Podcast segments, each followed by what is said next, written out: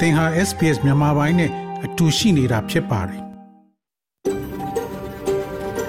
SBS A world of difference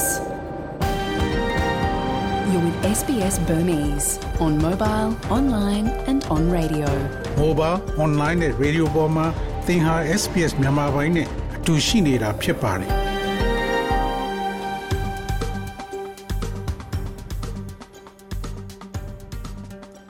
တော်ရရှိမြကျက်သိမင်္ဂလာဖျားဖျားနဲ့ပြည်စုံတော်မူကြပါစားခင်ဗျာဒီနေ့ဇူလိုင်လ30ရက်စနေနေ့မြန်မာပိုင်းစီစဉ်များကို SPS Radio မှစတင်အသံလွှင့်နေပါရခင်ဗျာ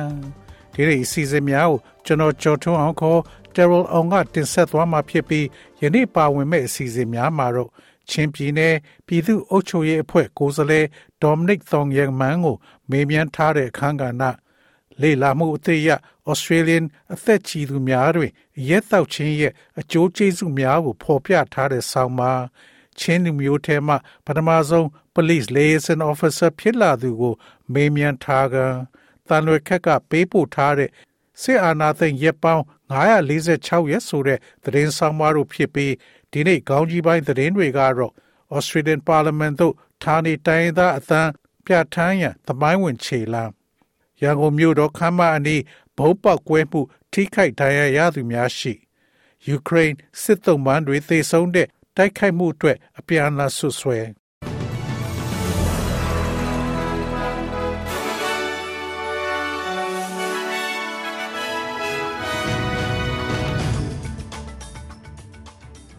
ယခုချိန်ကစပြီးသတင်းများကိုကျွန်တော်ကြော်ထုံးအောင်ကစတင်ဖတ်ကြားပါတော့မယ်။ Australian Parliament တို့ ဌာနေတိုင်းသားအသံပြဋ္ဌာန်းရန်သမိုင်းဝင်ခြေလှမ်းဝန်ကြီးချုပ်အန်တိုနီအယ်ဘနီစီကပါလီမန်သို့ဌာနေတိုင်းသားအသံပြဋ္ဌာန်းရန်သမိုင်းဝင်ခြေလှမ်းများလှမ်းလာစဉ်ဖွဲ့စည်းပုံအခြေခံဥပဒေကို ပြောင်းလဲရန်အကြံပြုခဲ့ပါတယ်။ Mr. Albanese မှဌာနေခေါင်းဆောင်များစီယုံလှုပ်ဆော်သူများနဲ့စီယုံလှုပ်ဆော်သူများအားအရှိမြောက်ဘက်အာနန်လန်တွင်ဆယ်စုနှစ်များစွာကြာအောင်စောင့်မျှော်ခဲ့သော Grammar Festival တွင်စုဝေးခဲ့ကြတာဖြစ်ပါတယ်။နိုင်ငံတော်သည် ပြုပြင်ပြောင်းလဲရန်အစဉ်သစ်ဖြစ်နေပြီလို့သူကဆိုပါတယ်။ဒါကဩစတြေးလျနိုင်ငံသားတိုင်းယုံကြည်ချက်နောက်ခံတဲ့အစဉ်လာတိုင်းတို့မှ နိုင်ငံတော်ဝန်ရှိအလွှာပေါင်းစုံမှလက်ခံယုံကြည်ထားသော ပြုပြင်ပြောင်းလဲမှုတစ်ခုဖြစ်ပြီးကျွန်ုပ်တို့အားလုံးတွင် မျှဝေဂုဏ်ပြုသည့်တန်ဖိုးများတရားမျှတမှု လေးစားမှုသိက္ခာရှိမှု အသံကို ပုံဖော်ခြင်းဖြင့်အမျိုးသားရေးအောင်မြင်မှုတစ်ခုဖြစ်ပါတယ်။စီလုံးညီညွတ်သောဩစတြေးလျရဲ့တည်ငါဟာနိုင်ငံရေးအထက်မှာရှိနေပါလိမ့်မယ်။ရန်ကုန်မြို့တော်ခမ်းမအနီးဘုံပေါက်ကွဲမှု ထိခိုက်ဒဏ်ရာရသူများရှိ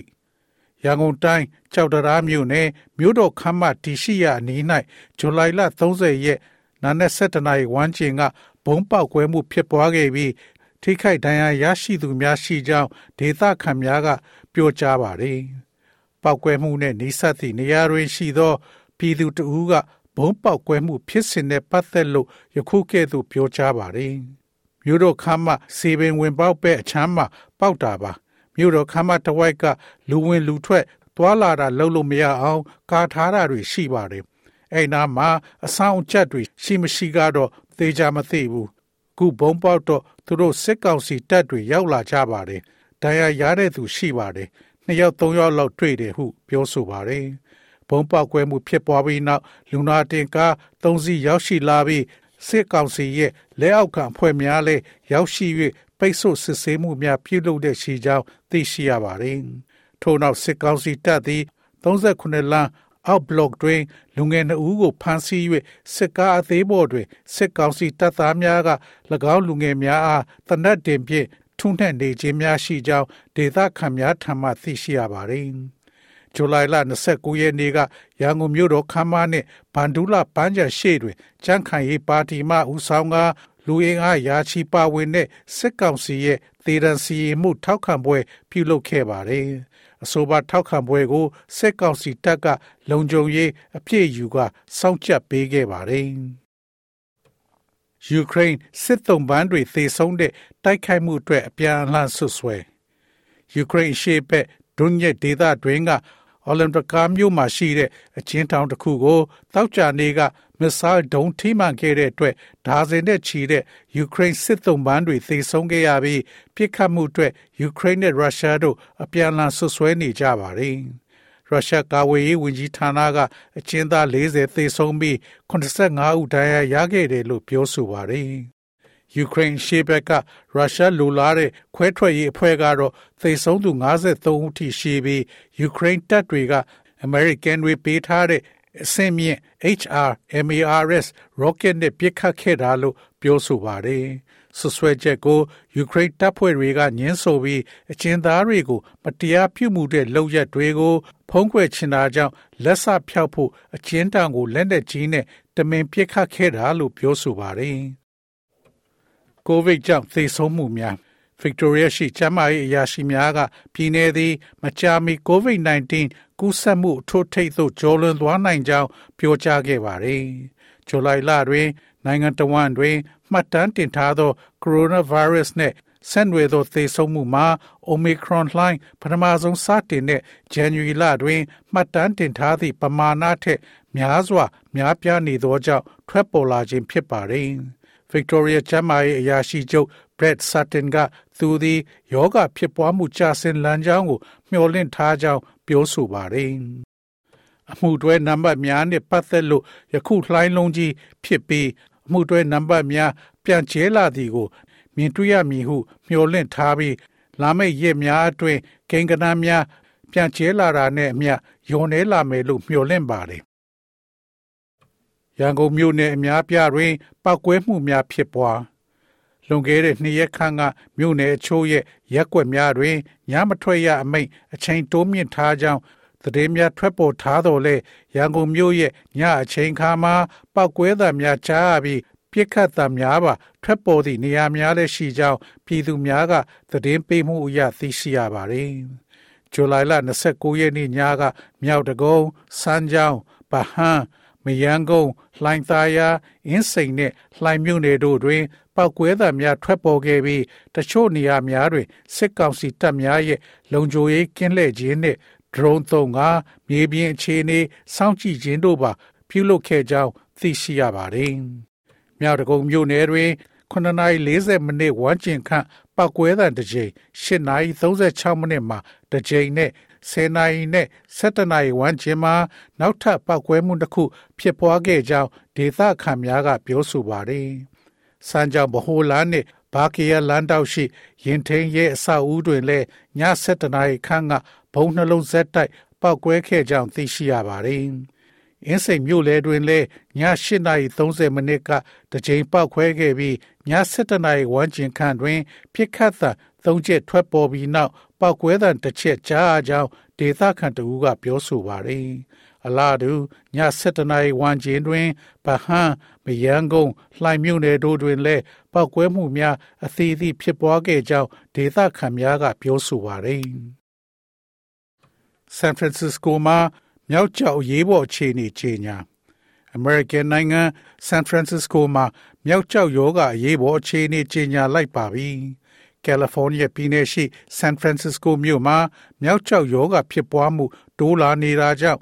တတိထားမဲ့လူမှုကျန်းမာရေးအရေးပေါ်အခြေအနေအဖြစ်မြို့တော်ဝင်ကကြေညာလိုက်ပါတယ်။1980ခုနှစ်အတွင်း AIDS ကူးစက်ရောဂါလိုစင်တူယိုမာ ပြန့်နှံ့လာတဲ့ဒီယောဂကူးစက်မှုတိုက်ဖြတ်ရေးမှာလဲလာတူကျိုးနီစနစ်တွေရှော့ချရန်မြန်မြန်ထီရောက်အောင်လုပ်နိုင်ဖို့ယခုလိုကြေညာတာလို့လဲမြို့တော်ဝင်ကရှင်းပြပါတယ်။ San Francisco မြို့တော်ဝင် London Breed ကဒီယောဂတိုက်ဖြစ်ရေးအတွက်ကာဝတ်ဆေးတွေကုသပေးဖို့တွေပိုပြီးအသေးအံကိုလိုအပ်နေပြီလို့ Federal ပြည်ထောင်စုအဆင့်ကိုရည်ရွယ်ပြီးပြောဆိုလိုက်ပါတယ်။ မြို့ကတောင်းခံထားတဲ့ဒီယောဂကာဝယ်ဆေး3500တဲကလက်တွေ့9800ပဲရခဲ့တာမို့ကာကွယ်ဆေးထိုးရတွေရထားအချိန်မှာကျွန်တော်တို့မြို့ခံတွေဟာတခြားနေရာကလူတွေလိုပဲကျမ်းမာရေးစောင့်ရှောက်မှုကိုရပိုင်ခွင့်ရှိပါတယ်လို့သူကပြောဆိုသွားပါတယ်။အားကစားသတင်းမှာတော့ Birmingham တွင် ရှင်ပြိုင်တဲ့ပထမနေ့ပြီးတွင် Commonwealth အားကစားပြိုင်ပွဲရဲ့ စုတစိတ်စုစုပေါင်းတွင် Australia ကထိတ်မှဦးဆောင်နေပါတယ်။အော်ဇီကရွှေရှစ်ခုငွေ၄ခုနဲ့ကြေးတစိတ်၄ခုစုစုပေါင်းစုတစိတ်16ခုရရှိခဲ့ပါတယ်။ရွှေတစိတ်၈ခုလုံးကို ရေကူးကန်သို့မဟုတ် velodrome တွင်ရရှိခဲ့တာဖြစ်ပါတယ်။ Champion Wicket Keeper Alisa Haley ပါဝင် Australian အမျိုးသမီး cricket သမားများသည် T20 ပြိုင်ပွဲရဲ့ ပထမဆုံးသောပွဲစဉ်တွင်အိန္ဒိယကို၃ဂိုးအပြတ်ဖြင့်နိုင်ရရှိပါတယ်။ Australia သည်စုတစိတ်၅ခုရရှိထားသော New Zealand ထက်သာလွန်နေပါတယ်။ SBS SBS SBS SBS SBS This is SBS Radio. ငွေလဲနှုန်းမှာတော့ Australian dollar ကိုမြန်မာကျပ်ငွေ1295ကျပ်ရရှိပါတယ်။ American dollar ကိုမြန်မာကျပ်ငွေ1853ကျပ်ရရှိပြီး Australian dollar ဟာ American 69စက်နဲ့ညီမျှပါတယ်။မနေ့ဖြန်ဩစတြေးလျတိုက်မှာရှိတဲ့မြို့ကြီးများရဲ့မိုးလေဝသခန့်မှန်းချက်ကတော့ဆစ်ဒနီမြို့မှာအပူချိန်18ဒီဂရီစင်တီဂရိတ်ရှိမှဖြစ်ပြီးမိုးတိမ်သားများအနည်းငယ်ရှိမှဖြစ်ပါတယ်။မဲလ်ဘန်မြို့မှာအပူချိန်15ဒီဂရီစင်တီဂရိတ်ရှိမှဖြစ်ပြီးမိုးတစ်ဖြောက်နှစ်ဖြောက်ရွာသွန်းနိုင်ပါတယ်။ Brisbane မြို့မှာအပူချိန်21ဒီဂရီစင်တီဂရိတ်ရှိမှဖြစ်ပြီးမိုးတိမ်သားများရှိမှဖြစ်ပါတယ်။ Perth မြို့မှာအပူချိန်18ဒီဂရီစင်တီဂရိတ်ရှိမှဖြစ်ပြီးမိုးတစ်ဖြောက်နှစ်ဖြောက်ရွာသွန်းနိုင်ပါတယ်။ Adelaide မြို့မှာအပူချိန်15ဒီဂရီစင်တီဂရိတ်ရှိမှဖြစ်ပြီးမိုးရွာသွန်းနိုင်ပါတယ်။ ဟိုဘယ်မြို့မှာအပူချိန်73ဒီဂရီစင်တီဂရိတ်ရှိမှဖြစ်ပြီးမိုးတိမ်သားများရှိမှဖြစ်ပါတယ်။ကင်မရာမြို့မှာအပူချိန်73ဒီဂရီစင်တီဂရိတ်ရှိမှဖြစ်ပြီးမိုးရွာသွန်းမှုတိုးမြင့်လာမှာဖြစ်ပါတယ်။ဒါဝင်မြို့မှာအပူချိန်32ဒီဂရီစင်တီဂရိတ်ရှိမှဖြစ်ပြီးနေသားမှာဖြစ်ပါတယ်။ဤတွင်သတင်းများကိုကြီးညာလို့ပြီးပါပြီခင်ဗျာ။။